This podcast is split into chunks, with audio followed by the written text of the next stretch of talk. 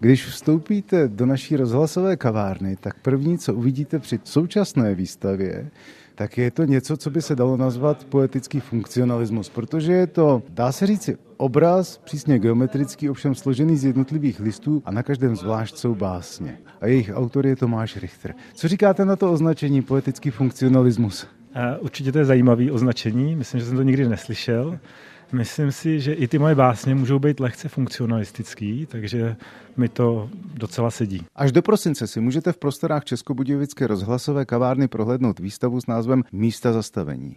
Jejími autory jsou sourozenecká dvojice Tomáš Richter a Kateřina Landová. Tomáš Richter píše poezii, Kateřina Landová maluje. A oba dva se vzájemně inspirují. Jak to děláte? Vzniká to samovolně, chodíme na výlety, chodíme do přírody, každý sám, buď s kamarády nebo s rodinou, s dětma.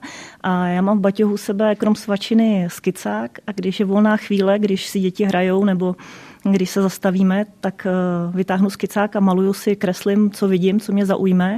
A stejně tak bratr, myslím, že si na výletech buď píše, nebo hledá inspiraci a večer pak něco se píše a navzájem si to sdílíme. Když třeba je nějaký zajímavý moment, tak si posíláme v obrázky nebo si napíšem přes sms báseň. Čili když se výstava jmenuje místa zastavení, tak je to přesně termín popisu toho, jak to vznikne. To znamená, vy se někde zastavíte a teď to nakreslíte či namalujete a bratr to napíše. Ano, nezávisle na sobě a jsou to nejenom místa zastavení fyzicky, ale určitě je to jako i mentálně, že člověk se na chvilku uh, vypne třeba přestane pracovat, co jsou ty víkendy a víkendové výlety a vypadne z té pravidelnosti. Tvoříme společně, ale každý zvlášť a, a je to tak, že spíš eh, každý v sobě máme nějaké otázky, které jsou svým způsobem podobné, protože jsme si podobní a ty otázky uh, vlastně se snažíme vyjádřit, nějakým způsobem probrat.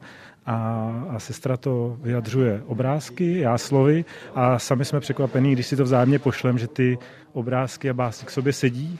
A vždycky se nás potom lidi ptají, jestli jsme to jako kreslili nejdřív obrázek a pak tomu napsali text nebo obráceně. A my říkáme ne, to prostě se tak potkalo a, a ty obrázky a texty k sobě patří, přestože vlastně vznikaly na sobě zcela nezávisle. Proč se ptám? Protože tady se totiž úplně přesně schází ta vaše kombinatorika, ta geometričnost a zároveň volná grafická nebo malířská tvorba. A vzájemně se to vůbec neruší, naopak doplňuje a od toho je to odvozené. Když to potom mluvíte, tak mi přijde, že tak v architektuře, že v té architektuře člověk nejdřív žije v oblacích, je volný, kreslí si, vymýšlí eh, v různých spoustu variant a teprve pak musí vybrat jednu a dovést do detailu, do výkresu, do záchodu a koupelen a musí být vlastně v důsledku strašně přesný. Jak architektura, tak eh, poezie, vlastně přemýšlení o věcech.